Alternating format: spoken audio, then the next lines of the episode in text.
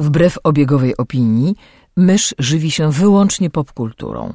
Jest zwierzęciem stadnym, które lubi dzielić się tym, co znajdzie ze światem. Jej naturalnym sposobem komunikacji jest przerywany śmiechem słowotok. Słuchacie podcastu Myszmasz.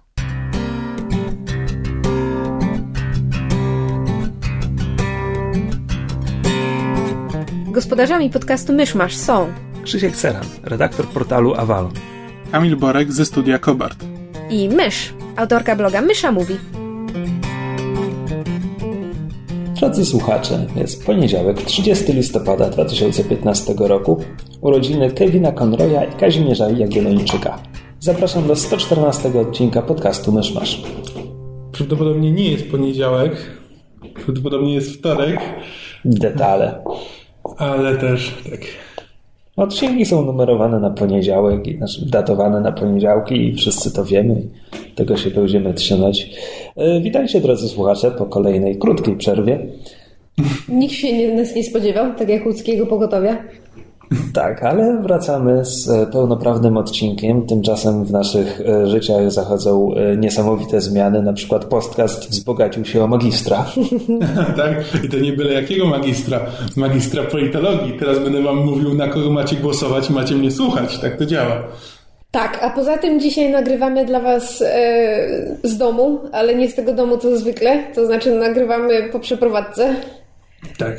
E, więc jest jeżeli nagrywamy- słyszycie inny pogłos niż zwykle, to to dlatego. Tak, nagrywamy ze słonecznej warszawskiej Pragi. Czy też Saskiej Kępy, czy też wieczorem Grochowa. i bardzo zachmurzony dzień.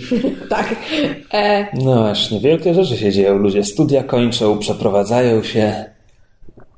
Krzysiek, jak tam twoja magisterka? A ja zrobiłem w tym tygodniu wyjątkowo pyszny obiad, którym nie powstydziłbym się kogoś poczęstować, co pierwszy raz w życiu mi się zdarzyło. Ale nie poczęstował, widzicie? czyli co, zapraszasz nas na obiad następnym Musiał razem? mi starczyć na trzy dni. Teraz jak mamy bliżej. Nie, nie tylko nas, wszystkich słuchaczy. To, to, to, tego nie było. Wszyscy są zaproszeni do Krzyśka. No, tak. E, Co się działo po drodze? No tak, dostaliśmy magistra politologii, przeprowadziliśmy się, byliśmy też na serial Konie, o czym część z Was wie, bo nas widziała na serial Konie, nawet z nami spędziła trochę czasu. Bardzo nam było miło, dziękujemy wszystkim, którzy podeszli, się przywitali i zamienili z nami dwa, a nawet czasem trzy słowa. Mniej więcej. Bo Potem przestajemy zwracać uwagę i przestajemy Tak. słuchać. Po trzech słowach już się Bo nie jesteśmy so, socially awkward. E, no, e, jak wrażenia z serialkonu? E, Edycja druga, dwudniowa, tym razem z anglojęzyczną nitką programową. Jakie zdanie ma myszmasz? Go. Bardzo pozytywne. Ja wciąż uważam, że to jest najfajniejszy konwent, na jakim byłem. I Z tego mnóstwa, na które jeździmy regularnie. Ej, w tym roku byliśmy na paru, byliśmy przecież na Kopernikonie. Okej, wy byliście. I kapitolarzu, że nie? Nie, na kapitolacie nie dojechaliśmy, bo ja się rozchorowałam. Byliśmy Bardzo na awangardzie. smutno. Tak, no więc serialkon był super. Um, bardzo fajnie przygotowany, bardzo fajne prelekcje, przynajmniej większość tych, na których byłem. Um, co jeszcze? Najbardziej sfeminizowany konwent, o jakim wiem, i to jest jego wielka zaleta, moim zdaniem.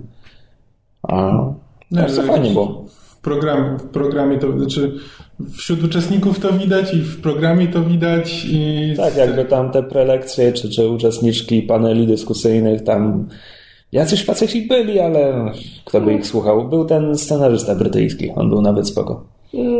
Andrew Ellard, chyba. Coś takiego. On mm, pisał The IT Crowd i Mirandę i przy Doctor Who też chyba maczał palce. A, o. Czyli absolutnie nic, co bym oglądał, ale mówił ciekawie. Tak. E, No ale rzeczywiście jakby zarówno anglojęzyczna nitka programowa ze względu na zaproszonych e, gości, czy też zaproszone gościnie e, była bardzo taka sfeminizowana. Kamil właśnie wypluł herbatę z powrotem do kubeczka. Czy możesz mi wytłumaczyć dlaczego? Bo chyba mam jakiś kawałek sznureczka w kubeczku.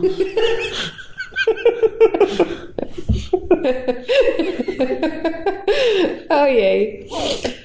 E, tak, więc w tym roku na serialkonie były e, Gavia Baker Whitelaw albo Whitelaw Baker, nigdy nie pamiętam, w której kolejności się jej nazwiska wymienia, ale znana w internetach jako Hello Taylor, prowadząca bloga właśnie pod tym tytułem. I była też Rowan Ellis, czyli e, youtuberka i vlogerka zajmująca się właśnie sprawami e, reprezentacji, feminizmem, motywami queer. E, jakby... Stała się totemem duchowym myszy.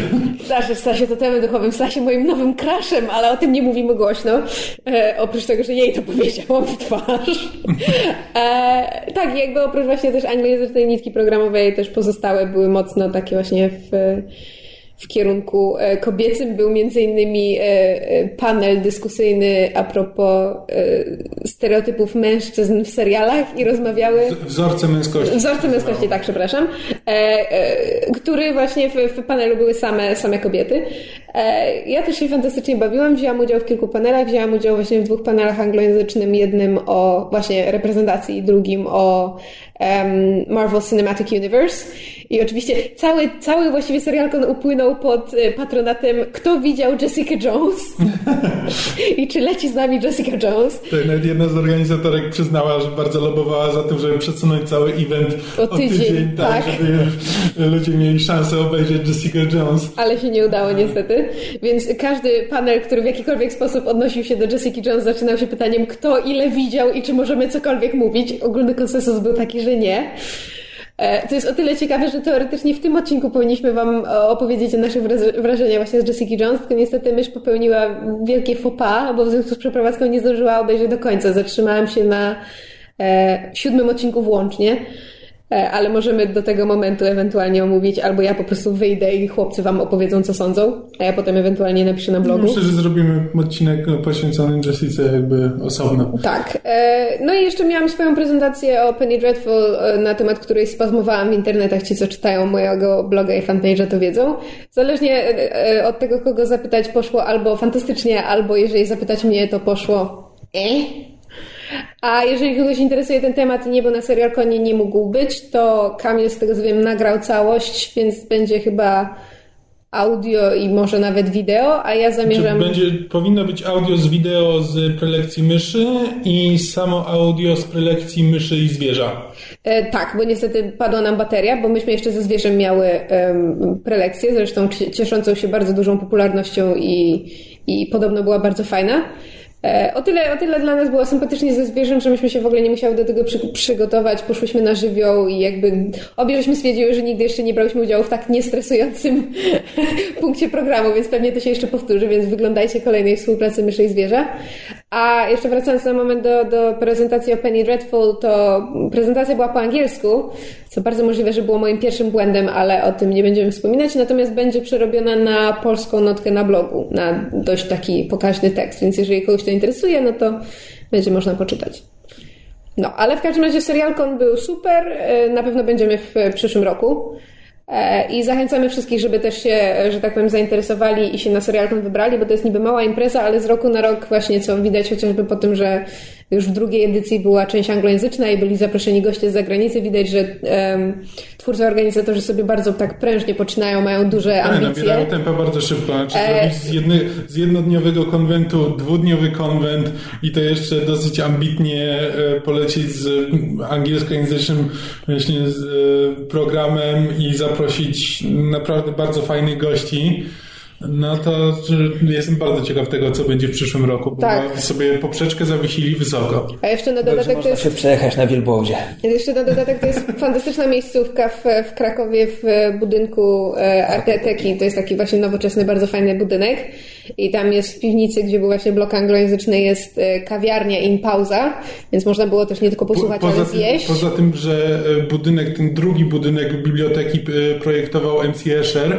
Tak, bo jest jeszcze, bo niestety jakby na tyle dużo się dzieje w, w ramach serialkonu, że są potrzebne dwa budynki, to znaczy jakby jeden nie wystarcza, w tym drugim są tam trzy czy cztery sale zupełnie przypadkowe na ostatnim piętrze. Problem polega na tym, że e, wbrew pozorom do, do jednej sali na przykład nie można się dostać każdą windą, bo jedna winda wywozi w niebyt. Tak, trzeba wiedzieć, do której windy wejść, tak. żeby nie wylecieć do innego wymiaru. Tak, e, no i jest też e, wow, w sensie tak A, no i bardzo fajne jest też to, że mm, wiecie, my tak tutaj mówimy serial konfajny, serial konfajny, ale jest to e, przede wszystkim konwent, czy właściwie festiwal, bo mm, organizatorzy mam wrażenie tak trochę pchają w stronę tego, żeby nazwać to festiwalem e, seriali, a nie konwentem, e, ale to jest bezpłatne. Ob, obie edycje do tej pory były bezpłatne. To jest wszystko jakby um, jest organizowane przez, przede wszystkim przez e, organizację Smokon, która się właśnie zajmuje organizowaniem konwentów i przez stronę pulpozał.pl i oni jakby mają swoją, e, swoją, prawda, tam e, jakiś fundusz, na który można wpłacać datki, więc jeżeli byliście na seriakonie, jeszcze tego nie zrobiliście, to wpłaccie im jakieś tam pieniądze. Każdy grosz się liczy, no bo to jest przede wszystkim właśnie z, z jakby z ich prywatnych funduszy, z tego, z tego tam takiego um, jakiejś tam małej kubki monet, które mają, a przede wszystkim z pracy wolontariuszy, więc jakby naprawdę inicjatywa jest na tyle fajna i, i na tyle mają twórcy, e, organizatorzy duże ambicje, że warto tej inicjatywy wspierać, warto się wybrać w przyszłym roku. Podejrzewam, że Myszmasz będzie e, bo ja mam ambitny plan być na serial koniec co roku, bo to jest... Znaczy, tak, dla mnie największym wyzna wyznacznikiem serialkonu jest to, że to jest jedyny konwent, na którym ja się, na który ja się decyduję przygotować prelekcje, a nie konkurs, czy wziąć udział w panelu dyskusyjnym. Rzeczywiście dla mnie serial, dla mnie serialką to jest, zresztą bardzo wiele osób o tym mówiło, że to jakby poziom serialkonu jest na tyle wysoki, że to jest już bardziej trochę w stronę konferencji naukowej na temat seriali niż takiego konwentu, prawda, gdzie, gdzie są jakieś tam przygotowane na pięć minut przed pogadanki o tym, a bo ten serial jest fajny, bo jest mój i jest fajny. Znaczy ja myślę, że w ogóle jakby zawężenie tej tematyki tylko do seriali mm. jakby bardzo pomaga właśnie w, w, zapewnieniu tego poziomu, bo to jakby nie jest, no bo jednak jak się robi konwent ogólnofantastyczny i to jeszcze, które w większości wypadków są połączone jeszcze z mangą i anime, to jest naprawdę ciężko znaleźć, żeby grupkę nawet organizatorów, którzy by się na tyle znali, żeby zapewnić bardzo wysoki poziom wszystkich poszczególnych części programu, tak żeby i zarówno i pod względem RPGowym, i planszówkowym, i filmowym, serialowym, fantasy, science fiction, żeby to wszystko grało. To jest naprawdę ciężka cena, a jednak ponieważ to jest konwent poświęcony tylko serialom, no to można, można się trochę na tym skupić, można, można się upewnić, że wtedy wiemy, jakich gości zapraszamy, wiemy, o czym mówimy, e, żeby to miało jakąś spójność też wewnętrzną e, i wydaje mi się, że to jest, to jest siła tego konwentu i myślę, że fajnie by było, gdyby więcej było takich mm, festiwali, konwentów, które jakby skupiają się na no bo wiadomo, no takie duże spędy też są fajne, no wiadomo, że to jest, spotyka się dużo, dużo interesujących ludzi i otwiera, otwiera się trochę perspektywy na rzeczy, z którymi się normalnie nie spotkało. Mm, ale też jednak ta specjalizacja pomaga w, wydaje mi się, w zapewnieniu No tak, bardzo, bardzo wielu z tych jakby znaczy zaproszonych prelegentów, których zgłosiło, zgłosiło tematy, to są jakby doktoranci, magistrzy, ludzie jakby nauki, to znaczy oni w, bardzo wielu wypadkach to są na przykład wykładowcy uniwersyteccy, którzy właśnie jakby popkulturą i serialami interesują się w ramach swojej pracy naukowej. A poza tym to jest fajne, że właśnie, znaczy, mimo narzekań niektórych osób, y, które po zobaczeniu programu stwierdziły, że nie były w stanie nic dla siebie znaleźć i w ogóle ta, tam, ta, na tym serialkonie nic nie było, to dla mnie właśnie serialkonie jest fajnie to, że, że ponieważ jest to ograniczenie do, jakby tylko do seriali, to tam też można właśnie spotkać na przykład omawianie seriali niszowych, których jakby właśnie na konwencie ogólnofantastycznym nie uświadczysz. Chociażby właśnie to, że prawda, ja w zeszłym roku mówiłam o American Horror Story, a w tym roku o Penny Dreadful. To nie są jakieś super popularne seriale.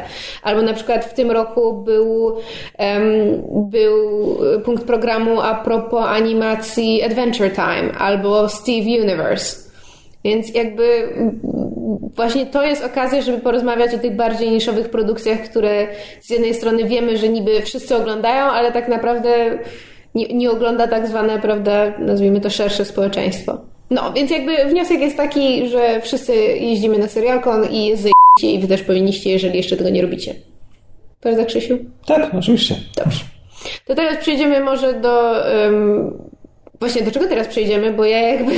Przegląd tygodnia. Przegląd tygodnia. Hmm, przeprowadzka. Ja kompletnie nie pamiętam, co ja widziałem w ogóle. tak dawno ostatni był odcinek, że nawet nie wiem, co ja w międzyczasie oglądałem, a też wcale tak dużo nie oglądałem. Ja robiłem sporo rzeczy, ale znakomitą większość zdążyłem opisać na stronie, czy, czy w myszmaszach na piśmie, czy moje powtórki Gwiezdnych Wojen, które opisuję. E, więc jakby to wszystko jest na stronie. Jak ktoś nie odwiedza, to, to jest mi bardzo przykro z tego powodu. Natomiast e, na fali, e, na fali takiego ogólnego entuzjazmu po premierze Fallouta 4 dałem się jej ponieść. Nie mając sprzętu, by grać w Fallouta 4, grałem w ciągu ostatnich tygodni w Fallout Tactics i Fallout New Vegas do wyboru do koloru. Przy czym w New Vegas zacząłem dosłownie parę dni temu, więc jeszcze nie mam głębszych przemyśleń. Natomiast Fallout Tactics, które jest starą grą, ja nie pamiętam dokładnie, to jest, co to jest, co to może być, 99, 2000? Wydaje mi się, że już 2000 coś. No w każdym razie ta, ta epoka zdecydowanie. E, jest to gra no, strategiczna, to może za duże słowo, taktyczna, tu um, bardzo w typie Jagged Alliance w sumie. Mm. Tylko ty grałeś w Jaggeda, bo ja szczerze mówiąc prawie nie. E, trochę tak, znaczy prawdę mówiąc więcej widzę podobieństw e, między Fallout Tactics a Silent Storm. Też taką grą. Okej, okay, bo chciałem ci zadać pytanie, bo to, to co mnie fascynuje w Fallout Tactics to jest to, że tam w grę są wbudowane właściwie trzy tryby zasad, gdzie z poziomu, z poziomu tam menu opcji możesz w dowolnym momencie przełączać się na przykład, czy, czy chcesz, żeby bitwy były rozgrywane w systemie turowym, w którym każda postać rusza się e, zależnie od jakiejś tam swojej indywidualnej inicjatywy, czyli jeśli masz sześć osób w drużynie, no to może być, że najpierw ruszą się dwaj przeciwnicy, potem dwie osoby z, z twojej drużyny, potem trzeci przeciwnik, potem trzecia, czwarta, piąta osoba z twojej drużyny, kolejnych trzech przeciwników i ostatnia osoba z twojej drużyny. Albo może być drużynowa inicjatywa, czyli Wiesz, najpierw rusza się ta drużyna, potem rusza się ta drużyna, zależnie od tego, kto zainicjował starcie. I to jest jakby w XCOMie tak walki wyglądają, żeby już nie się ugać bardzo daleko w przeszłość, po prostu ruszasz wszystkich swoich żołnierzy, klikasz która przeciwnika i ruszają się oni. I jest e, w zasadzie czas rzeczywisty, czy to się nazywa po angielsku Continuous Turn Battle, ja nie do końca potrafię to przetłumaczyć, to polega na tym, że pula punktów akcji każdej postaci na polu bitwy się cały czas odnawia. Więc jeśli masz w systemie turowym, twoja postać ma, nie wiem, 7 punktów akcji i ma pistolet, z którego strzał kosztuje 3, no to może strzelić dwa razy i nie wiem, ruszyć się o ten jeden punkt akcji a ktoś inny może mieć, nie wiem, ciężki, ciężki minigun, z którego strzał zajmuje 5 czy 6 punktów akcji i jakby, i to jest wszystko, co on zrobi w turę. Natomiast w tym trybie czasu rzeczywistego, nazwijmy to tak, po prostu pula akcji się odnawia cały czas, tam nie wiem, 2-3 punkty na sekundę i po prostu kiedy tej postaci z lekkim pistoletem się odnowią 3 punkty, to ona wtedy strzeli, a postać z miniganem czeka dwa razy dłużej, żeby móc strzelić z minigana. I to jest bardzo ciekawe, przy czym ja nie potrafię grać e, w takie klasyczne gry e, RTS-y, strategia czasu rzeczywistego, bo one są dla mnie zbyt chaotyczne i kompletnie nie potrafię ogarnąć Fallout Tactics w tym trybie i prawie, prawie zawsze gram, gram w tym systemie turowym. Natomiast to jest dla mnie fajne, że jeśli ktoś woli, no to jest taka opcja. Mhm.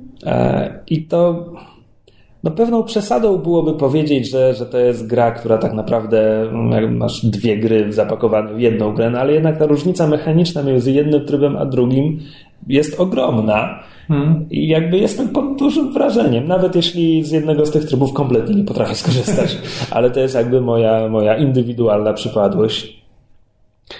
No a sama, sama gra jest śmieszna, bo to robiło jakieś studio, to, to, nie jest, to nie jest Interplay, to nie jest... Teraz ci powiem, bo nawet mam otwartą Wikipedię. Podnajęty, jeśli dobrze Microforte. Microforte? Tak. No, Developer. Tak, okej. Okay. Nie, nie kojarzę ich dorobku. Natomiast to jest śmieszne, bo to jest gra, to jest oczywiście niemalże równolatka oryginalnych Falloutów, więc mamy rzut izometryczny, taką grafikę, która wciąż jest całkiem ładna, jeśli ktoś lubi pixel art. E, natomiast to jest przede wszystkim mniej więcej świat z tych pierwszych dwóch Falloutów, tylko jest jeszcze bardziej udziwniony.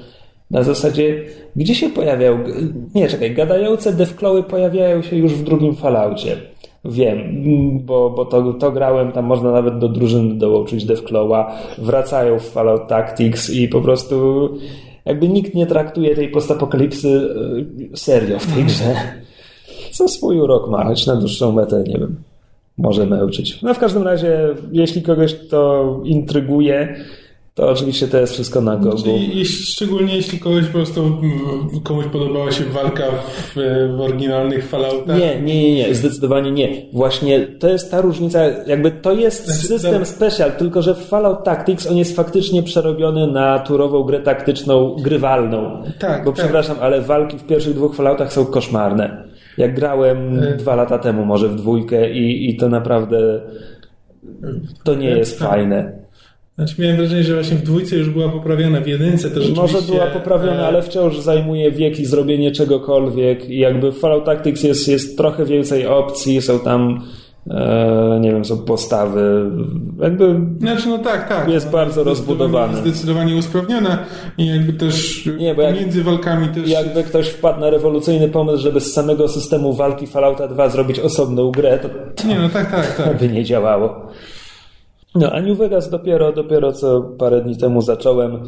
Um, gram po raz pierwszy w tę wersję już ze wszystkimi DLC i tak dalej, która chyba była patchowana w stosunku do oryginalnego wydania, bo na razie nie natknąłem się na bardzo wielkie problemy. Owszem, raz e, nie mogłem uruchomić gry, znaczy save mi się nie chciał załadować, ale nie wiem, czy to jest wina podstawowej gry, czy to dlatego, że mi się miałem taką fantazję, żeby e, zaaplikować grze moda, który wyśrodkowuje kamerę w trybie mm, trzeciej osoby i może to ten mod rozwalił grę, nie wiem. Ponieważ ja niewiele widziałem, nie mogę sobie przypomnieć teraz, czy widziałem jakieś filmy w ostatnim czasie e, i praktycznie nic nie grałem. E, Bo pisałeś magisterkę. Tak. E, to ja może opowiem trochę o serialach ponieważ jeszcze nie mówiłem o, znaczy mówiłem o pierwszym sezonie Fargo, mam wrażenie, kiedy Mówiłeś. musiałem mówić. Mówiłeś. Mm, a już jest, e, już jesteśmy za połową drugiego, e, drugiego sezonu i to wciąż trzyma poziom. Ale y, odpowiedz mi na proste pytanie, czy z Fargo też zrobili antologię, czy tam tak. są dalej postaci z pierwszego sezonu? E, tak, znaczy to jest tak. E, e, na Kawa oba, czy herbata? Tak. Na, oba wasze pytania tak, bo to jest antologia. E, drugi sezon dzieje się dużo wcześniej niż, niż pierwszy. Jakby jest w innym. On się dzieje w latach. Po to, żebym teraz czegoś nie palnął, chyba w 70. To jest serial, który w ogóle z jednej strony się nie traktuje poważnie zupełnie, ale nie traktuję tego jako wymówki, żeby, żeby nie opowiedzieć pełnej, kompletnej historii e, albo żeby rozwinąć, rozwinąć postaci, tylko e, to są, znaczy już mówię, jedny, jednym z moich ulubionych takich szczególików, takich malutkich szczególików, to jest to, że, że na samym początku, tam gdzie w każdym serialu mamy previously on, tytuł serialu, Fargo, pierwsze, pierwsze co nas wita to jest Erstwhile on Fargo. I to jest po prostu takie, to, ale to pokazuje dokładnie to, że on po prostu próbuje być trochę inny, e, ale trzyma się, trzyma się pewnych schematów ten serial nawiązuje do, nawiązuje do popkultury. To jest, już sprawdziłem, to się dzieje w, w roku 1979, e, gdzie właśnie już końcówka, końcówka lat 70. I e, lubi wrzucać to, co jakby w każdym innym serialu, to są takie wrzucone na, e, na siłę wstawki i on też wrzuca na siłę wstawki, gdzie jakby postaci mówią tym, co współcześni ludzie mają szansę zrozumieć, o czym prawdopodobnie y, ludzie w tamtych czasach by nigdy nie rozmawiali. To znaczy, jedna, y, jedna z postaci na przykład mówi, że y, nie przejmuj się, jeśli John McCain był w stanie przetrwać, przetrwać bycie pojmanym w Wietnamie, to ty też sobie poradzisz z tą sytuacją. Co jakby John McCain był bohaterem wojennym, był znany, ale nie ma szans po prostu, że ludzie by tak rozmawiali. To są jakby ewidentnie wstawki wrzucone i ten serial jest strasznie teatralny. Że jakby po prostu e, właśnie postaci rozmawiają w taki sposób, który e, nie jest, nie jest naturalny, jest trochę jakby zrobiony pod publikę, ale e, i serial sobie zdaje z tego sprawę. Mm. Przy czym jakby historia, e, historia jest niesamowita. Znaczy historia zasadniczo skupia się na wojnie dwóch, um, dwóch gangów. E, E, czyli e, rodzinnego, rodzinnego gangu niemieckich imigrantów. The Bloods and the Crips. Tak. I, i właśnie gangu, który próbuje przejąć jakby ich działalność w Fargo, znaczy, w mieście. E, I właśnie i opowiada, znaczy z jednej strony opowiada historię rodziny, jakby tej całej e, właśnie tego gangu rodzinnego e, i tego, co się dzieje, ale też zahacza jakby o tematy feministyczne i właściwie właśnie taki feminizm wojujący z właśnie z końcówki lat 70.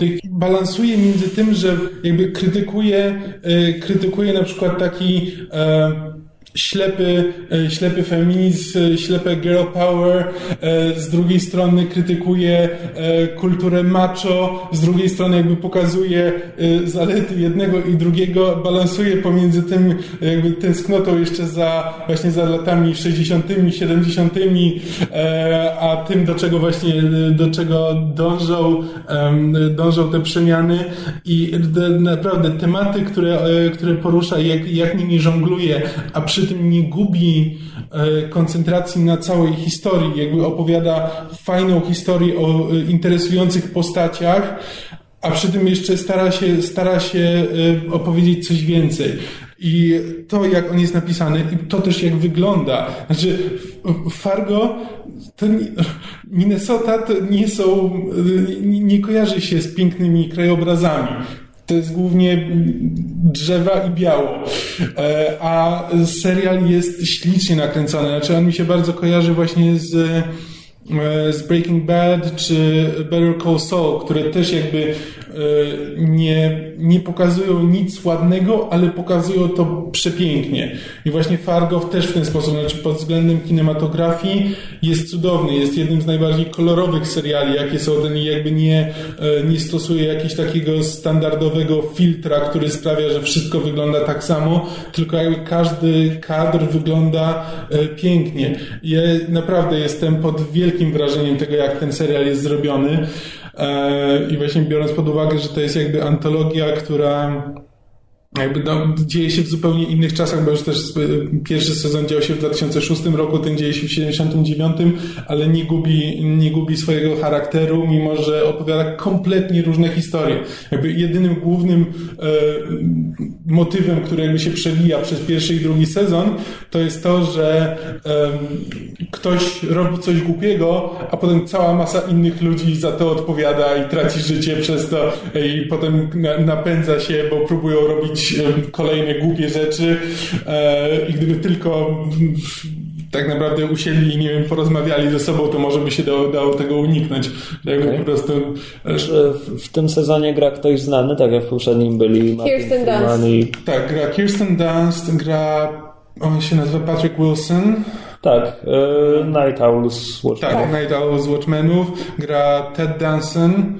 E, to już musisz mi pomóc. E, to jest... E, trzech mężczyzn i dziecko.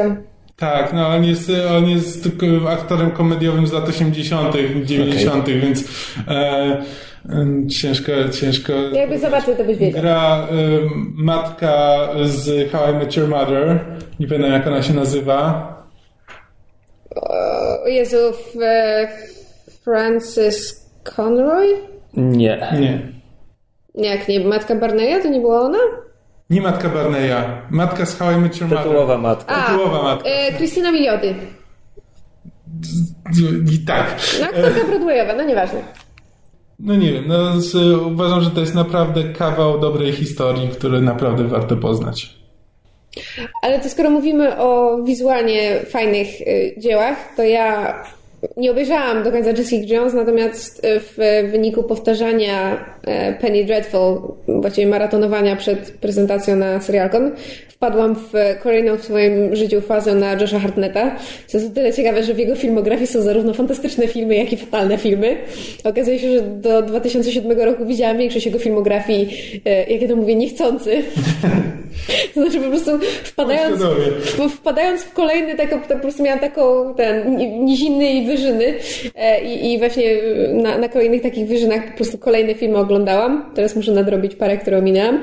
Ale w ramach powtarzania sobie rzeczy, które już znam, obejrzałam oczywiście fatalne Hollywood Homicide, w którym Josh Hartnett gra policyjnego partnera Harrisona Forda i to jest tak bardzo komedia z lat późnych 90., wczesnych 2000. Czekaj, a Ford fatalnie się ogląda. Aktora, który chce się nauczyć jak to... Nie, nie, on, on, nie, on, on, gra, on gra policjanta, natomiast Josh Hartnett gra też jego młodszego partnera, który... Um, znaczy Harrison Ford jest policjantem, który w ramach drugiej pracy jest... Um, um, realtor, czyli sprzedawcą nieruchomości, a z kolei Hartnett w ramach drugiej pracy jest nauczycielem e, jogi i a chce zostać aktorem. W związku z czym przez większość filmu przejawia się motyw tego, że on się próbuje nauczyć roli Marlona Brando z tramwaju zwanego pożądaniem, bo chce wystąpić w showcase'ie, więc chodzi po planie i wrzeszczy Stella. E, jest absolutnie fatalny film e, i obejrzałam go z, że tak powiem, obowiązku. Natomiast obejrzałam Lucky Number 11, czyli jeden z, jak się okazuje właśnie teraz po latach powtarzając sobie, wciąż najlepszych filmów, jakie widziałam w życiu. I to nie na zasadzie, e, że tak powiem, Oscar material, ale po prostu tak sprawnie zrobiony, tak fajnie przemyślany, tak ciekawie nakręcony i tak dobrze zagrany, że po prostu nie mam się do czego przyczepić. Pamiętam, że go widziałem i mi się bardzo podobał, ale teraz za diabła nie mogę sobie przypomnieć, o czym on był. Lucy Liu gra jego sąsiadkę? Tak. To przynajmniej tyle pamiętam. Znaczy, tam, czy tam jest Morgan Freeman? Czy coś? Tak. Dobra. I Bruce Willis, i Ben Kingsley, e, i parę jeszcze znanych nazwisk. E, znaczy, to jest film specyficzny, bo to jest film z gatunku coś pomiędzy Ocean's Eleven a filmy Gaia Ricciego, czyli tam przekręt, layer cake i tak dalej. E... Zabili go i uciekł. Tak. E, w związku z tym jakby trudno jest opowiedzieć fabułę filmu, żeby go żeby nie, nie zaspoilować, ale mianowicie Josh Hartnett gra e, tytułowego Slewina, który jest niewłaściwym facetem w niewłaściwym miejscu. To znaczy przez przypadek zostaje wplątany w spór między dwoma mafijnymi bossami, których jednego gra um, jednego gra Morgan Freeman, on gra The Boss, a Ben Kingsley, Sir Ben Kingsley gra The Rabbi. Why is he called The Rabbi? Because he's a rabbi. Dialog z filmu. E, I jakby Josh Hartnett zostaje wplątany w ten spór, bo e, zostaje wzięty za mężczyznę, w którego mieszkaniu akurat nocuje, który wyjechał. E, a ten mężczyzna wisi obu mafijnym bosom jakieś straszne pieniądze, w związku z czym oni się e, zaczynają nim, w sensie Hartnetem, wysługiwać, myśląc, że to jest ten, który wisi im pieniądze. Lucy Liu gra sąsiadkę tego chłopaka, którym wszyscy myślą, że jest Hartnet. No i, prawda, hilarity ensues. Ale to jest strasznie fajnie napisany film, co jest o tyle ciekawe, że sprawdziłam i scenarzysta tego filmu oprócz właśnie Lucky Number 11 i kilku odcinków takiego bardzo e, krótkotrwałego serialu My Own Worst Enemy z Christianem Slaterem, nic więcej nie napisał. Ale niedługo będzie jego nowy film. I w tym momencie nie pamiętam tytułu, jest chyba jakieś Arms and Dealers czy coś takiego, ale gra w, będzie w tym filmie grał Miles Teller i film będzie opowiadał o dwóch chłopakach, którzy zupełnie przypadkowo wygrywają kontrakt na broń dla amerykańskiego wojska. I jeżeli scenariusz do tego filmu, który powstaje, będzie chociaż w jednym, chociaż w minimalnym stopniu tak samo fajny, jak to, co było, takie, tak jak było Lucky Number 11, to czeka nas naprawdę fajne kino. Natomiast wracając do... do... Fajnie, Miles Teller gra w samych dobrych filmach. Wyraźnie nie widziałeś tych młodzieżowych komedii, które grywają, na które ja namiętnie chadzam. Wyraźnie widziałem fantastyczną czwórkę. Cicho. E, natomiast e, inną fajną rzeczą w Lucky Number 11 oprócz obsady i tego, że Josh Hartnett pokazuje, że potrafi grać i to potrafi grać dobrze. Myślałem, że powiesz, pokazuje podbródek. E, on tam w ogóle pół filmu gania w samym ręczniku, co też jest całkiem przyjemne. Czarna dalia, podbródek pod kapeluszem. Tyle pamiętam z filmu. A, ja właśnie czarnej dali nie widziałam. Nie znaczy, to jest Brian De Palma. Ja wiem, ale film. bo ja zaczęłam oglądać i mnie śmiertelnie znudził i wyłączyłam, więc nie e, skończyłam. E, znasz tajemnicę Los Angeles? Nie. No bo to też jest na podstawie... Wiem. Właśnie.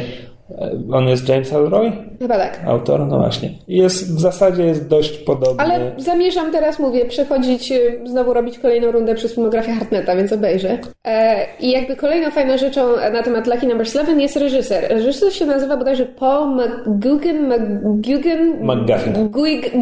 Gugian, ma śmieszne nazwisko. I o tyle jest ciekawe, że oglądając Lucky Number 7, nie wiem, bo Krzysiek mówi, że jakby widziałeś go dawno, nie, nie wiem, czy pamiętasz... Bo to jest film jakoś tak z 2007, 2006? Chyba dokładnie 2007. No i ja go widziałem może rok po premierze i A, po prostu... Ale czy pamiętasz, jak bardzo, o, za przeproszeniem, oczojebne, bo innego słowa nie można użyć, były tam tapety i jakby wizualna nie, strona. Absolutnie. Słuchaj, bo co się okazuje? E, Tenże reżyser był odpowiedzialny za kilka różnych rzeczy, mianowicie Lucky Number 11, film Push, mniej więcej z tego samego okresu z Chrisem Evansem o ludziach z mocami, nie wiem czy kojarzysz, był taki Kojarzę, film. że był taki film. Właśnie. I w tym filmie też były takie bardzo oczojebne um, wzory, że tak powiem. Znaczy, po prostu jakby ten reżyser ma oko do ma, ma, ma, bardzo specyficzne poczucie estetyki. Tak jak Wes Anderson bardzo lubi w swoich filmach wykorzystywać na przykład geometryczne tapety i ma bardzo specyficzny styl. E, Paul McGugan, czy jakby mu nie było, ma bardzo podobną estetykę. To znaczy właśnie jak obejrzy się Lucky Number 11, to tam wszystkie lokacje mają bardzo konkretnie wybrane tapety. W Push jest to samo. Ja y, sobie ten Um, będę teraz oglądać kolejny jego film, jak się okazuje, też z Hartnetem. Nie wiedziałam nawet, że to jest jego. E, Wicker Park. Po polsku tytuł był chyba Apartament. Bo zamierzam sprawdzić, czy ten reżyser to robi, znaczy, czy, czy on rzeczywiście ma obsesję. Wiecie, dlaczego się nad tym zastanawiam? Bo on jest odpowiedzialny za jeszcze jedną rzecz. Sherlocka BBC wyreżyserował kilka odcinków. Które odcinki? Między innymi Skandal w Belgrawii, czyli to jest hmm, okay. bodajże pierwszy czy drugi? Pierwszy z drugiego sezonu. Właśnie. E, I kojarzycie tapety w mieszkaniu Sherlocka? Tak. To jest właśnie chyba jego dzieło. I wiecie, dlaczego mnie to wszystko interesuje? Zgadnijcie, jaki jego najnowszy film niedługo wychodzi. Kojarzycie ten film Viktor Frankenstein, w którym McAvoy gra Frankensteina, a Daniel tak. Radcliffe Igora? Czy, czytałem bardzo złe recenzje. No właśnie, to jest jego. Ja jestem bardzo ciekawa, jak to wypadło. Reżyser nazywa się Paul McGuigan. Guigan. Guigan. Guigan. McGuigan. Dobrze się bawisz. Znakomicie. No, w każdym razie, jakby abstrahując od tego, czy to jest dobry film, czy zły, bo ja też słyszałam raczej kiepskie, znaczy słyszałam kiepskie recenzje i że McAvoy się nie podpisał, ale że Radcliffe bardzo dobrze zagrał, e, ale po prostu bardzo chcę teraz tego Wiktora Frankensteina e, obejrzeć, żeby zobaczyć, czy tam też są te cholerne tapety. Bo po prostu wyraźnie facet ma bardzo konkretny styl. No, ale w każdym razie, słuchajcie, jeżeli nie znacie Lucky Number 11 i lubicie filmy Guy Ritchiego, lubicie, lubicie kino właśnie takie zabili go i uciek, trochę gangsterskie, trochę komediowe. przekręty, tak, komediowe z witty dialogue i, i fajnym poczuciem humoru i, i jakby wizualnie też bardzo fajnie takie um, wypracowane, to Lucky Number 11, polski tytuł Zabójczy numer, obejrzyjcie w ciemno, moim zdaniem będziecie, będziecie zachwyceni. 20-letni ja też polecam. I ja nie za, nie za ręce, bo nie pamiętam, ale... Ale podobało Ci się pa, to? Pamiętam, że mi się bardzo no właśnie, podobał, ale ja to miałam wszystko, to samo, co pamiętam o filmie. Ja miałam to samo wspomnienie i zasiadałam na zasadzie z takim e, po latach, film się zestarzał, ja się zmieniłam. Nope. Nadal jest bardzo dobre. Jestem ciekawa, jak w takim razie wypadnie Wicker Park, dlatego że ja do Wicker Park usiadłam, kiedy to oglądałam parę lat temu, z e, święcie przekonana, że to jest fatalny film, bo czytałam jakieś złe recenzje, po czym skończyłam film i stwierdziłam, że nie bardzo wiem, co myśleć, bo jakby film nie był zły, ale był zupełnie nie tym, czego się spodziewałam, więc jestem bardzo ciekawa, jak go odbiorę teraz. No ale to pewnie będzie w następnym odcinku, albo na blogu. Zobaczymy. W każdym razie zamierzam prze... za przeproszeniem przelecieć całą filmografię Hartne... nie, Hartneta. Więc e, spodziewam się, że czeka mnie jeszcze bardzo wiele zarówno bardzo dobrych, jak i bardzo złych filmów. Na przykład Pearl Harbor. No jest. A, tam brał. Tak, i Black Hawk Down też mnie czeka. No, Black Hawk Down jest... No ja właśnie mówię, bardzo złe, bardzo dobre. Fascystowskie, ale okej. Okay. A 30 dni mroku już widziałaś? 30 dni nocy. Cokolwiek. Um, widziałam kiedy tam parę lat temu e, i żeby było śmiesznie, ktoś się mnie właśnie na fanpage'u zapytał, co sądzę o filmie, więc ja napisałam e, napisałam to samo, co powiem wam, to znaczy widziałam 30 dni nocy nie pamiętam, co o nim myślałam, więc muszę powtórzyć, doniosę jak już będę po. Znaczy, wydaje mi się, że mi się średnio podobał, natomiast ja wiem, że czytałam kiedyś komiks y, w Empiku, to znaczy jeszcze kiedy w Empiku można było usiąść pod półką i czytać komiksy. Już można. To przeczytałam pierwszy tam volume chyba, 30 dni nocy. Ale teraz to już nie jest fajne. Teraz już nie jest cool, ani trendy, ani jazzy, ani spongy, ani foxy. Spongy. Było. coś było spongy. Było, było. Ja, ja pamiętam, że ja kiedyś śledziłam ewolucję tego, znaczy właśnie ten, że było cool, trendy, jazzy, foxy, freshy jeszcze było, a potem było spongy. Nie. Tak. No, więc to tyle. A jeszcze, Krzysiek, miałam do Ciebie takie pytanie, bo Ty um, obejrzałeś teraz pierwszy i drugi epizod Gwiezdnych Wojen, zamierzasz... I trzeci, i czwarty. Czyli zamierzasz dociągnąć do końca? No, taki Bo jest myśmy, plan. myśmy z kolei z Kamilem ostatnio na Cinema Sins pojawił się nowy filmik właśnie e, Star Wars. Z Nowej Nadziei i on Nowej mnie Nadziei. zabił, bo ja teraz nie wiem, co napisać o Nowej Nadziei. Obejrzałem ją wczoraj, przedwczoraj, obejrzałem ją przedwczoraj, zacząłem pisać tekst i jakby...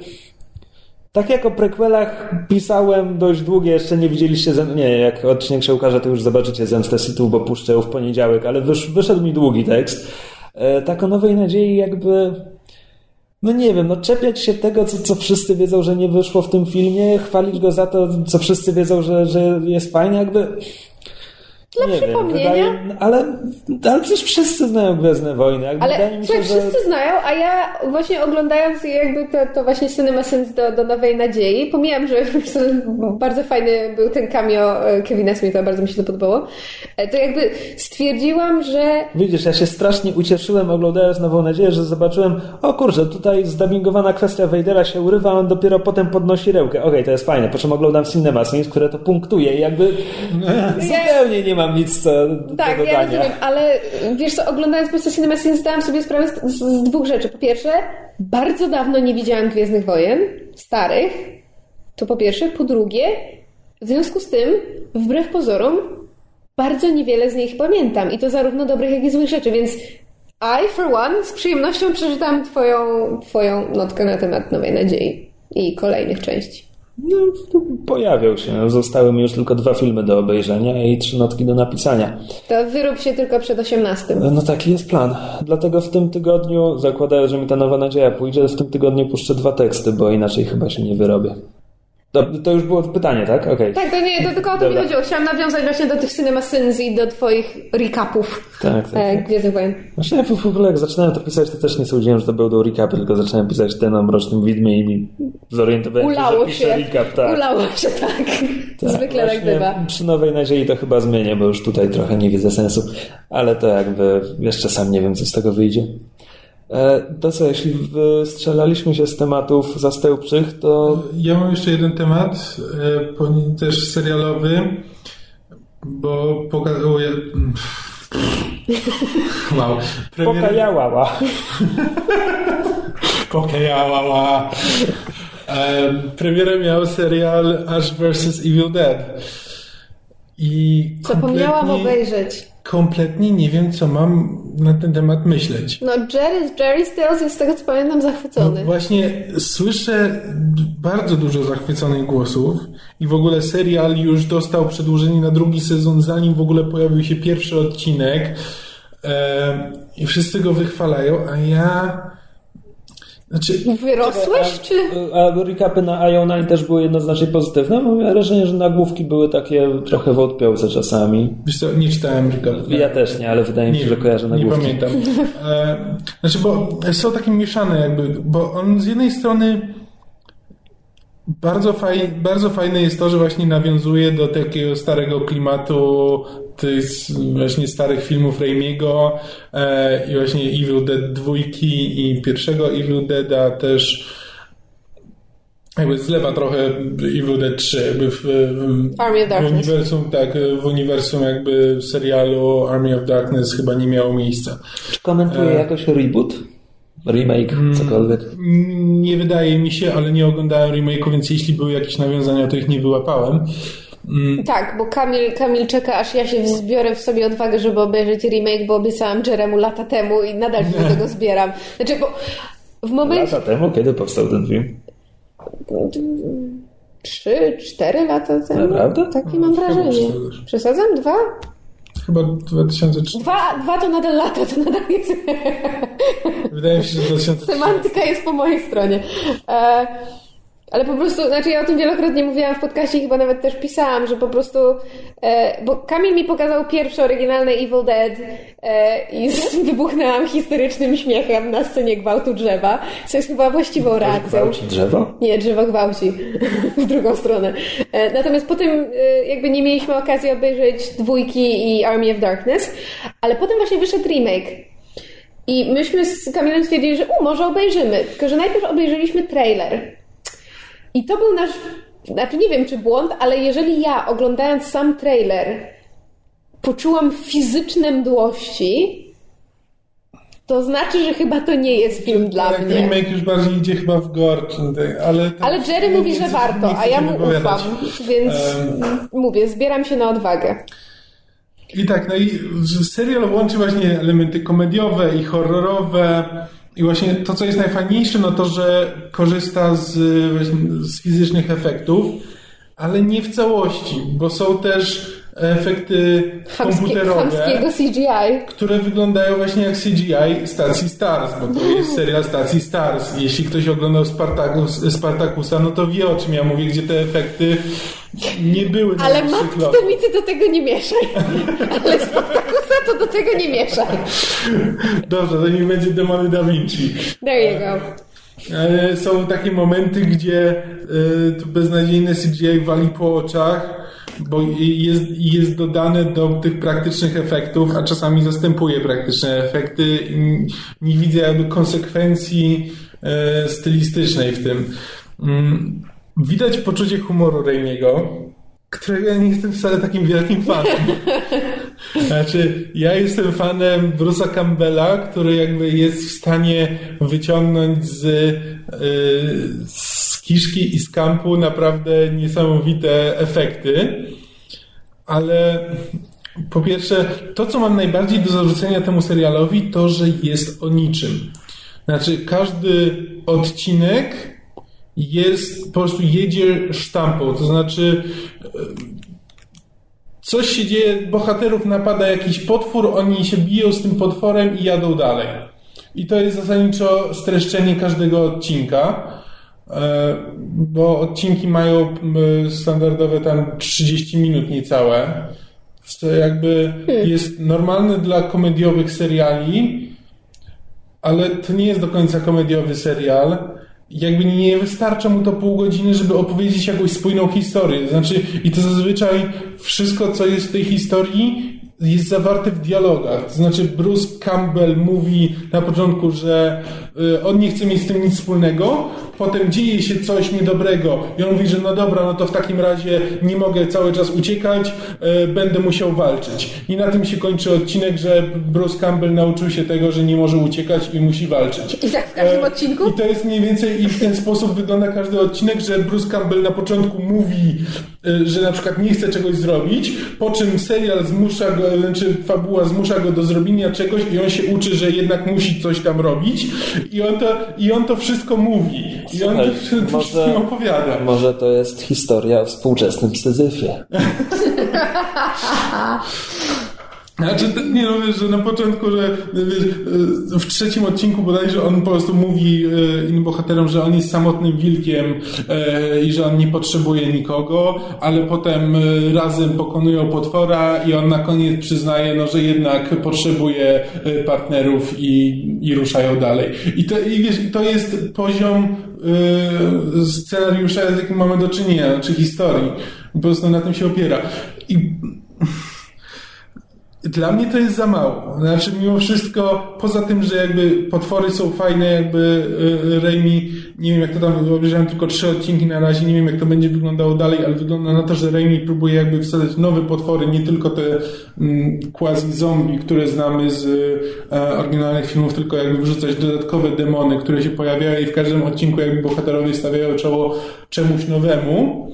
To jest jakby, to- jest sedno odcinka i dla mnie to jest za mało. Jakby sama ta walka, starcie z, e, z potworem mm, to jest jakby trochę mało, bo z niego nic nie wynika e, szczególnie. Poza tym, że potwory są fajnie, fajnie zaprojektowane i wyglądają ładnie i tam czasami, czasami można się uśmiechnąć, czasami jest coś fajnie pokazane, ale mam kompletnie takie, oglądam te odcinki i nie pozostawiają na mnie żadnego wrażenia, ani szczególnie pozytywnego, ani szczególnie negatywnego i trochę mnie to boli, bo jednak e, właśnie liczyłem na coś więcej.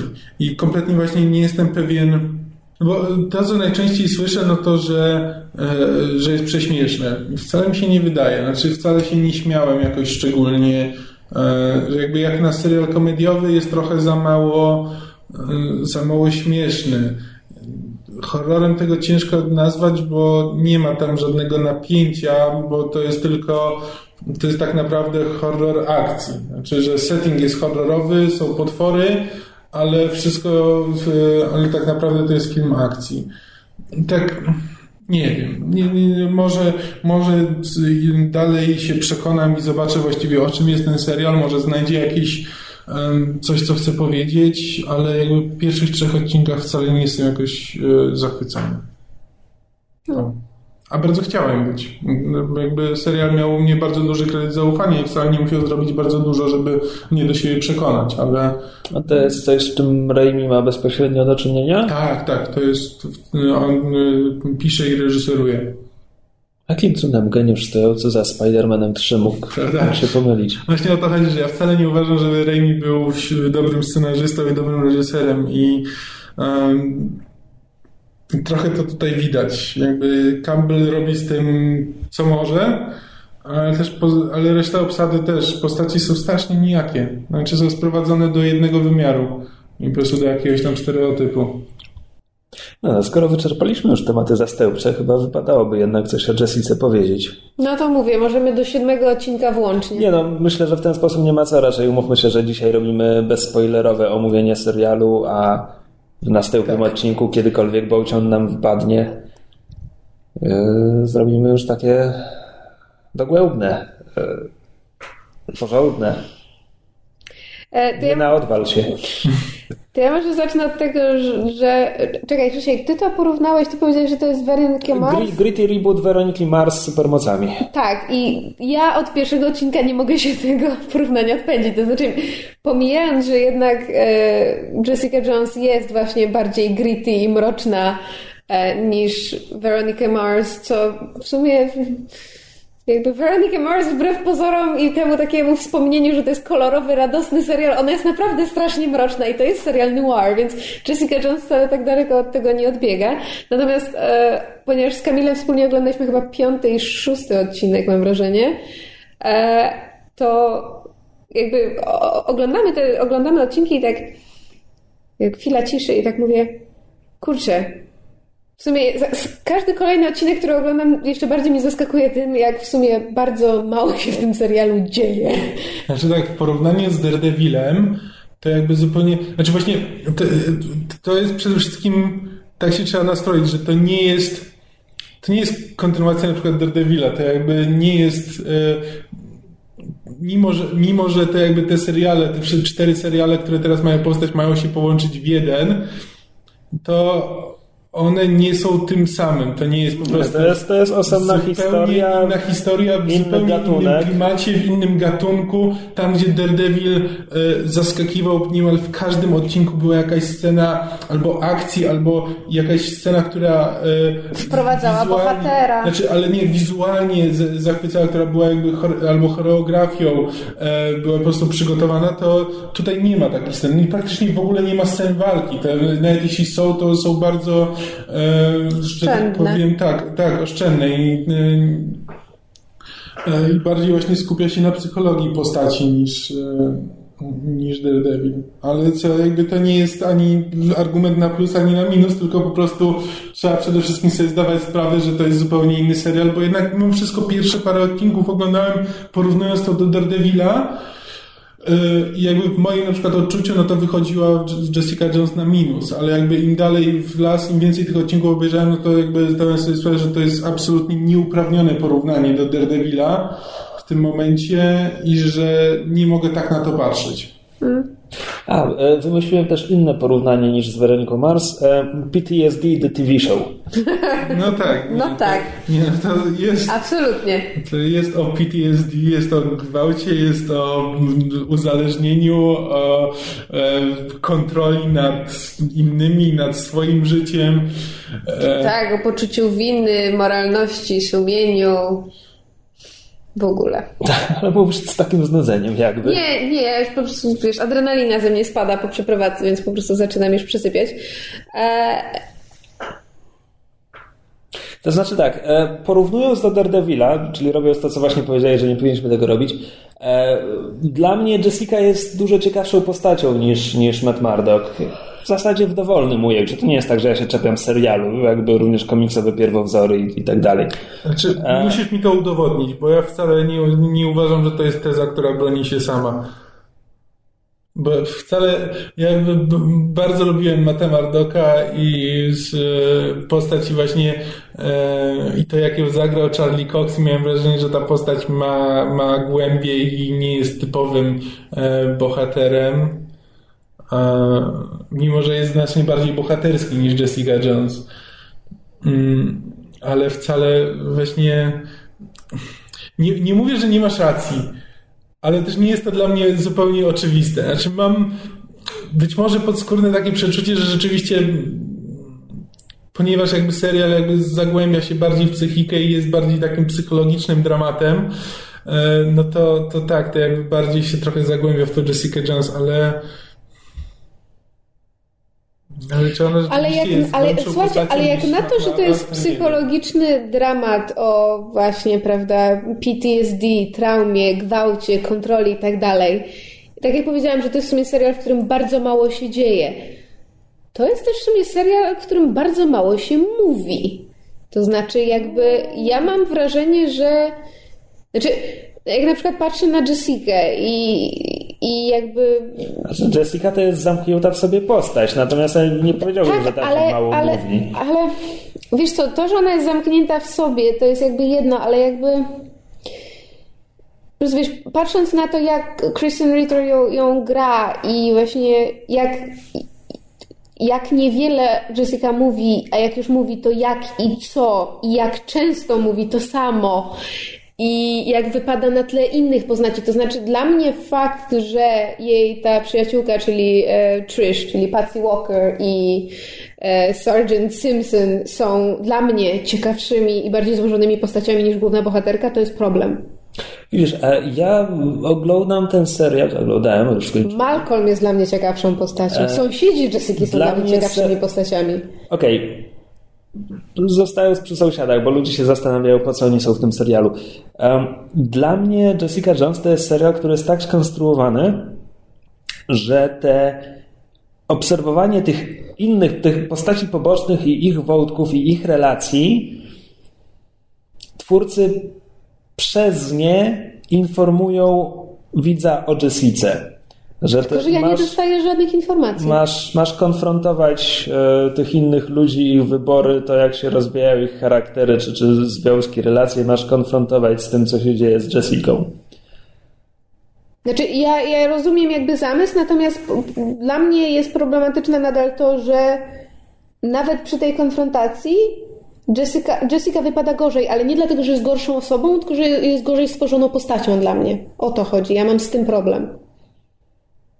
No dobra. E, zanim kompletnie uciekniemy, bo ja zacząłem e, od tego porównania z Daredevilem i wykoleiłeś mnie przy samym porównaniu postaci, a chciałem powiedzieć jeszcze, że Daredevil był precyzyjniej skonstruowany pod względem scenariusza. Na zasadzie mhm. od początku w zasadzie wiemy, do czego ten serial zmierza. Znaczy Daredevil od tak. początku wiemy, że to się skończy bójką Kingpina i, i Daredevila i technicznie rzecz biorąc to samo wiemy w Jessice, ale E, znaczy może nie dosłownie bójką, konfrontacją no Jessica i tak. Grave'a. Natomiast e, w Jessice, szczerze mówiąc, obejrzałem 13 odcinków i mam wrażenie, że autorzy nie do końca mieli pomysł na wszystkie 13. Znaczy, żeby ten... O co mi chodzi? Absolutnie główny wątek, czyli relacja Jessica i Kilgrave'a i to wszystko e, oś tego serialu jest dla mnie trochę rozciągnięta i trochę powtarzalna i trochę traci w pewnym momencie pełd i dlatego wolałbym, żeby ten, ten główny wątek był bardziej zwarty i w rezultacie albo, żeby serial po prostu miał jeden, dwa odcinki mniej. Na przykład 10. Bo można by, można by go trochę skrócić. Albo, żeby wypełnić go jeszcze kilkoma odcinkami. E, tak. Mhm. Z, z, nie, nie bezpośrednio związanymi z, z główną osią historii, tam pomniejszymi śledztwami. Czy no tak zwany case of the week. Bo kilka i takich tu jest i mi się podobały i pozwalały rozwinąć niektóre postaci poboczne. I jeszcze z jedną, dwie bym, bym chętnie obejrzał. Znaczy, tak, bo Daredevil był jakby wyraźnie skonstruowany tak, że tam na początku była jakaś tam intryga i najpierw musieliśmy się dowiedzieć, na czym polega ta intryga, ale potem jakby już poznawaliśmy, ok, do czego to prowadzi, jakie cele ma przeciwnik głównego bohatera i co główny bohater będzie musiał zrobić, żeby, żeby go pokonać. Jakby przez cały czas wiedzieliśmy właśnie, mm, wiedzieliśmy konkretnie, co bohater musi, co bohater musi zrobić, jaką ma przed sobą drogę e, i co będzie musiał, jakie przeciwności będzie musiał pokonać, żeby do niej dojść i byliśmy ciekawi, jak on to zrobi. Natomiast Jessica Jones, jakby Kilgrave jest na tyle niejasną postacią, że nie wiemy właściwie na czym ma polegać ich konflikt. To właśnie, bo to jest też różnica w, w kreacji Kingpina i Kilgrave'a, która sama w sobie nie jest zła, tylko jej wpływ na serial wypada negatywnie w stosunku do w wypadku Jessiki. To znaczy Kingpin jest postacią, która ma cele, ambicje, zamierzenia, plany wychodzące poza swojego głównego antagonistę, czyli Daredevila. Killgrave no to jest pomysł na postać. To jest zero-jedynkowa obsesja na punkcie Jessiki. Problem w tym, że tam, tam potem w odcinkach, których jeszcze nie widziałaś, pojawia się więcej na temat Killgrave'a, ale to też jest raczej tak, żeby wypełnić pewne luki na jego temat, jeszcze bardziej go podbudować, ale to nie jest coś, co mu nadaje na ambicji. To jest, to jest złoczyńca z ogromną mocą, kompletnie bez ambicji. No właśnie, bo byłam ciekawa, czy do tego nawiążemy, dlatego że e, Pusiek z recenzji Malkontentki na Twitterze właśnie wyrażała swoje niezadowolenie, że im bardziej w serial, tym mniej jej się podoba, bo właśnie dla niej Kilgrave jest najmniej jakby wiarygodnym elementem z tego względu, że to jest facet, który ma jakby ma bardzo konkretną, bardzo specyficzną moc, ma właściwie władzę absolutną, jest wiesz, the villain to end all villains i nic z tym nie robi. No bo ja jakby, jemu zależy na no tym, właśnie, żeby dobrze zjeść, dobrze się ubrać, znaczy, przespać się z ładną kobietą. To jest znaczy właśnie, ale bo, granica jego horyzontu. Ja się tak zastanawiałam, bo wiesz, bo mój pierwszy instynkt, biorąc po, znaczy pomijam, że jeszcze nie skończyłam serialu, więc nie mam pełnego obrazu, natomiast e, tak jak z jednej strony się zgadzam z tym, co mówisz, że właśnie, że Kilgrave jest jakby... Znaczy, to mówię, to samo w sobie nie jest nie, złe. Nie, nie, Dla mnie Kilgrave jakby... jest bardzo ciekawą postacią, plus Tenant gra go tak, tak że... W, w ogóle ale sam pomysł czy, na to, czy mogę dojść do końca swojej myśli? Ciekawe. Dziękuję. No. Nie. Nie. nie, bo jakby właśnie mój pierwszy instynkt był taki, żeby bronić, znaczy nie bronić Killgrave'a, bo nie umówmy się, nie w tym sensie, o no, którym... Znajdą się takie fanki Tenanta. Znajdą się takie fanki, tak, już, już się napatoczyliśmy. E, natomiast jakby bronić koncepcji Killgrave'a właśnie przed Puszkiem na zasadzie, że do mnie w pewnym sensie trafia znaczy, bo jakby oglądałam tyle seriali, prawda, kryminalnych i, i procedurali, że jakby nie jest mi obcy ten typ osobowości, który jest obsesyjnie wręcz skupiony na jednej rzeczy. To znaczy, dla mnie jest absolutnie do przyjęcia, zrozumienia i zaakceptowania, że Kilgrave jest właśnie tym typem osoby, która nie wychodzi myślami i ambicjami poza dobrze zjeść, dobrze wypić, przespać się z ładną kobietą i że jego obsesja jest właśnie skondensowana na Jessice, że to jest be all and all jego ambicji, jego celów, całej jego mocy i wszystkiego, co chce w życiu osiągnąć. Co nie zmienia faktu, że jakby właśnie w, szerszej, w szerszych ramach serialu, czy w ogóle tego, nazwijmy to, uniwersum tych Netflixowych seriali, to jakoś tak znaczy, dla mnie autentycznie jedynym problemem jest to, że to jest rozciągnięte na dwa, trzy odcinki za dużo. Znaczy, że to jest, to jest dobra nawet postać. Nie, nawet nie oglądając tyle, co wy, to znaczy nie, nie, nie, nie doszedłszy do końca, jestem w stanie się z tobą zgodzić. To znaczy, bo ja już będąc na siódmym odcinku, jestem w stanie sobie wyobrazić, jakby to można było zamknąć w dziesięciu. A jeszcze mnie trzy czekają potem dalej. Może tak, jakby tam serial takie wykonuje wolty, żeby to trochę przedłużyć i rozciągnąć niektóre wątki, które właśnie moim zdaniem by ciekawiej wyszły, gdyby je tak naprawdę... od razu zakończyć i nie wykonywać, nie, nie, nie wracać do jakiegoś poprzedniego status quo, żeby móc trochę przeciągnąć dłużej, tylko już zakończyć na mocnym uderzeniu, które tam były w tych właśnie e, w tych odcinkach od, od 8 do 10. To znaczy, to jest też problematyczne o, o tyle, że Kilgrave właśnie dostaje dla siebie tyle miejsca w serialu, a wystarczyłoby mu trochę mniej, a jednak jest tam wątek czy dwa, które z kolei przydałoby się trochę rozwinąć, na przykład, e, na przykład wątek Simpsona, mhm. który mm, siódmy odcinek mówisz, tak?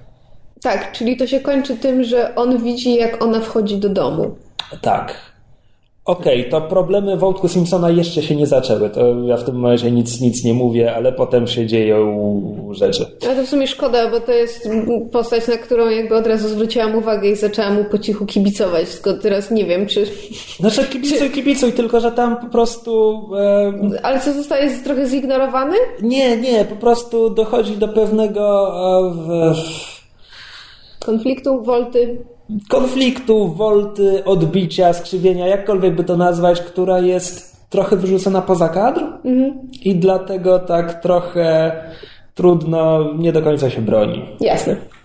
Znaczy nie jasne, ale pewnie zrozumiem, jak obejrzę. Zrozumiesz, jak obejrzysz. E ale no dobra, bo tak, to brzmi trochę tak, jakbyśmy narzekali od kwadrata, że przynajmniej wy. Ja, ja mam wrażenie, że my, że my jakby czepiamy się pewnych rzeczy właśnie dlatego, że jakby serial jest w, gruncie rzeczy dobry. I jakby to, co, to, co do... próbuje zrobić, tak, to, co tak. ma do powiedzenia, robi fantastycznie. To znaczy jakby Właśnie mnie, znaczy może to zabrzmi jakoś wrednie, ale te właśnie te fanki Tenanta, które potem czytam, że ojejku, ale oni z niego zrobili takiego strasznie złego człowieka, ale ten serial jest taki niemiły dla niego.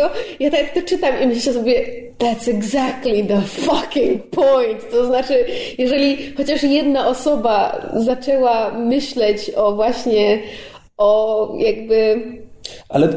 O, o, o, właśnie kwestii PTSD i kobiecej traumy i gwałtach i kontroli i o tym, jak pod pewnymi względami wygląda społeczeństwo i podejście do kobiet pod tym względem i z czym kobiety muszą sobie radzić, bo to jest też nie tylko kwestia jakby Jessiki, ale też tego, co Patsy przeszła e, czy Trish, nieważne jakby jej nie nazywać. I, I, jakby, i też tego, co Simpson przeszedł, no bo, prawda, w ogóle wpływ Kilgrave'a na ludzi, to jest, to się, to się fascynująco ogląda i to rzeczywiście trafia człowieka prosto w, wiesz, w serce, w umysł i zmusza do myślenia.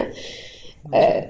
To znaczy w ogóle fantastycznie, znaczy jest doskonale historia dobrana do postaci, gdzie jakby e, bardzo, znaczy na początku to właśnie miałem takie, że kurczę, no w Daredevilu to te moce Daredevila, jego umiejętności umiejętności walki były tak fajnie wykorzystane właśnie w fizyczny sposób, jakby pokazane na ekranie te, e, tak fajnie, a w Jessica Jones tak naprawdę, no to ona jest super silna, ale tego w żaden sposób nie pokazują, ale to tak doskonale... To jest, to jest wręcz specjalnie schowane poza kadrem. Tak, ale właśnie to jest te, tak idealnie do, dobrane, że właśnie, że to jest postać, postać kobieca, której nic nie może zagrozić fizycznie. No, ona nie jest niezniszczalna. No, ale prawie nic, no ale w każdym razie żaden, żaden mężczyzna nie może, nie, nie, nie może się z nią równać, a przy tym ma tak kruchą psychikę. Może jeśli będzie miał pistolet. No, ale w większości wypadków to nadal jej nie przeszkadza, no. Ale ma przy tym, no, no ale nie, no, bardziej mi chodzi o to, że wiesz, no, bo to jest, no bo to jest w dużej mierze właśnie y, serial o gwałcie, ale w żadnym momencie Jessica nie grozi jakby, y, że tak powiem, fizyczny gwałt, bo ona jest w stanie się przed nim bronić zawsze ale jej psychika i właśnie to, co się dzieje w psychice i po tym, co ona przeszła i to, czego się boi, że się może wydarzyć po raz drugi i czego próbuje uniknąć i obronić innych przed, przed tym samym losem.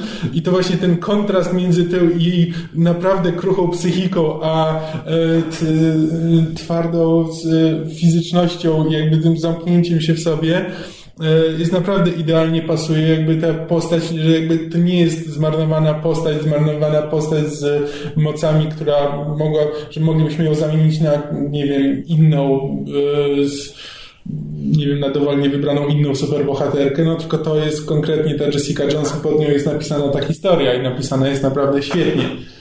mm, i psychologicznie jest fantastycznie nakreślone. Wracając na momencik do Tenanta, rzecz w tym, że nawet z całym kontekstem Kilgrave'a i wiedząc jaka to jest postać i tak dalej, są sceny, kiedy Tenant jest uroczy. Nie. Są, jest kilka takich scen. I to jest straszne. Ale wiesz co, ja ci, ja ci muszę powiedzieć, to znaczy ja nigdy nie byłam jakąś straszną fanką Tenanta. Ja go w życiu w niczym nie widziałem, ja go widziałem w jednym odcinku QI'a. No właśnie. To jakby zupełnie bez, bez żadnego bagażu. No właśnie, ja bardzo podobnie, do tego wręcz stopnia, że mimo, że zaczęłam oglądać Doctor Who, to utknęłam na, na dziewiątym, czyli na, na Ecostonie i nie doszłam do dziesiątego, który jest fanem właśnie większości ze względu na Tenanta. I ja tak, i, i wiesz, i, i... On jest fanem? Znaczy nie, w sensie, że ze względu na jego, na to, że on był dziesiątym doktorem, większość osób preferuje dziesiątego doktora jako tego swojego. Natomiast ja, ponieważ nigdy nie miałam na niego fazy, ale słyszałam właśnie, wiesz, piski, że o, dziesiąty doktor, tenant, tenant, to zawsze myślałam, że jakby, no, że oprócz tego, że jest charyzmatyczny i dowcipny i uroczy, to, że masz też coś takiego w wyglądzie, że jest przystojny. Ale ja tak oglądam tę Jessica Jones, patrzę na niego i jestem święcie przekonana, że to nie jest kwestia tego, że on gra taką wstrętną postać, jaką jest Kilgrave. Patrzę na tego tenanta i on jest dla mnie fizycznie brzydki, to znaczy to nie jest ładny aktor. Naprawdę? Tak! On jest brzydki, on ma, coś, on ma coś nie tak z twarzą i to nie jest to, że to jest wstrętna postać, ale, bo to jest. Ale, ale jak się uśmiecha, to jest taki pyzaty. Nie, to jest upiorny. On jest jak jakby ktoś wziął, nie wiem, Jokera, Jacka Nicholsona i Jima Carreya i ich zmiksował i próbował zrobić przystojnego aktora, ale mu nie wyszło. Wow, okej. Okay. No po prostu o, oglądałam ten siódmy odcinek, gdzie jest ta okay, scena... pierwszy się przyznam, David Tennant mi się podoba. No to dobrze, że mamy innego gusta w mężczyznach, co Krzyciu? Znaczy, ale... Mi się on podobał w Doktorze, ale w znaczy, Ale nie, bo on, on bardzo możliwe, że właśnie jak jest, bo on jest bardzo charyzmatyczny i jakby sprawia takie wrażenie i gra dobrze, ale patrzy na jego twarz i jest takie mm, zobaczyłabym cię w ciemnej uliczce i chyba bym poszła w drugą stronę. Okej, okay. ja się boję Mata Smitha, ale... Ale to też, to jest ten sam typ. Zresztą nic dziwnego, że obaj grali doktorów. I Eccleston też. I Capaldi też! Wszystkich bym się bała. No a teraz zostanę zlinczowana przez fanki Doktor Who i Tenanta. Znaczy, bardzo właśnie czekam, aż obejrzysz, obejrzysz jeszcze, bo, bo, mam wrażenie, że właśnie szczególnie właśnie w ósmym odcinku pojawia się wątek, który ja bym bardzo chciał, żeby był pociągnięty dalej, e, albo przynajmniej dłużej. E, a troszkę niestety ten, jakby miałby szansę nadać e, i Kilgrave'owi i jego relacji z Jessica jakby dodatkowego kolorytu, ale się trochę urywa. Masz na myśli to wykorzystywanie mocy? Mm, nie, ogólnie pomysł na... Ogólnie pomysł na odcinek? Pomysł na odcinek, okay, tak. Dobra. To mógłby być pociągnięty dalej. E... No. Aktorsko jest ok. No, ja bym powiedział, że jest dużo bardziej niż. Nie, ale w sensie mówię, że jakby nie mamy zastrzeżeń. Czy jedyne, co mnie strasznie boli, Luke Cage wspomina, że rozmawiają o tym, skąd się wzięły ich moce i Jessica Jones mówi, że wypadek. Luke, Luke Cage mówi, eksperyment. Nikt nie jest ciekawy jaki. Nikt nie jest ciekawy tego, co stało. Szczególnie, że w, już nie wchodzę w spoilery, ale w fabule odcinka byłoby sensowne, gdyby ktoś spytał Luka Cage'a, w jakim eksperymencie on dostał swoje moce. Jakby powinno to interesować inne postaci. E, a nikt się tym nie interesuje. Ja rozumiem, że muszą to zostawić na kolejny sezon, e, znaczy na, na jego własny serial, ale... Ale mnie, mnie, też to wkurzyło. Ale strasznie mi boli właśnie, bo do tej pory jakby i Daredevil był zamkniętą całością, która jakby zostawiając jakby pewne furtki, jakby co się może wydarzyć dalej, jakby funkcjonuje jako zamknięta całość, no to jakby już Jessica Jones powoli jakby wplata takie e, elementy, które ewidentnie są pod kolejny serial i które powinny być w, tak, ale... w tym sezonie rozwinięte, a nie są, bo zostaną, bo muszą być w następnym. Ale wiesz co, no bo ani Jessica, ani Luke nie są jakby takimi typowymi superbohaterami i ja tutaj Origin superbohatera jako część typowej opowieści superbohaterskiej tak musi być wzmiankowany przynajmniej, natomiast oni nie są typowi i jak dla mnie to nie jest wcale brakujący element tego sezonu, tylko to jest coś na inną historię. Znaczy... To bardziej, bardziej bym się czepiał z takich rzeczy, e, tego, tego podpięcia przez, przez byłą żonę Cage'a, która jakimś tam cudem jest powiązana z trzema kluczowymi postaciami w serialu. Tak, tak. Nie, w ogóle... I to jeszcze nie jest wytłumaczone, to jest zostawione na następny nie, sezon albo na święte nigdy. Relacje między postaciami są budowane na zasadzie, bo, bo tak. tak, bo się spotykają i akurat mają jakiś związek z fabułą, ale to jest bardzo, bardzo na słowo honoru i nie należy się w to e, wpatrywać, bo rzeczywiście one są, postaci są wprowadzane, bo tak, bo są potrzebne dla fabuły, ale nie, to, to akurat nie jest potrzebne. Nie, ja nie mówię, że yy, znaczy, to, jest, to jest tylko narzekanie dla narzekania, bo ja nie mówię, że właśnie w serialu było miejsce i powinien się znaleźć wątek originu Luka Cage'a, tylko to, że inne postaci yy, nic o nim nie wiedzą i nie próbują się dowiedzieć, mimo że powinny, to mnie denerwuje. Ale masz na myśli, że Jessica konkretnie powinna drążyć? Ktokolwiek. A, ktokolwiek. No, tak, wiesz, każda inna postać też powinna być bardziej ciekawa niż... Akurat, akurat z Cage'em to tam dość długo nikt, nikt inny nie ma kontaktu z głównych postaci. No ale tam potem mają. No nieważne. No, no, mówię, to jest naprawdę bardzo nieważny argument, znaczy nie argument, po prostu coś, co, coś, co mnie męczyło. No, ale ogólnie jest no, na Daredevil, tak. Daredevil też miał przecież ninja z pudełka wyskakującego, który tam jakby do ogólnego pierwszego sezonu nie do końca pasował. No trochę tak. Stick też zresztą wyskakuje na jeden odcinek i tam nie no, ale Stick jakby ewidentnie jest elementem historii Mata i jakby on, jego miejsce w tym serialu jest jasne. E, wiadomo skąd się wziął i co tam robi. E, nie, ale no... Wiadomo. Tu właśnie tak się trochę... jak się skończył tamten odcinek? No.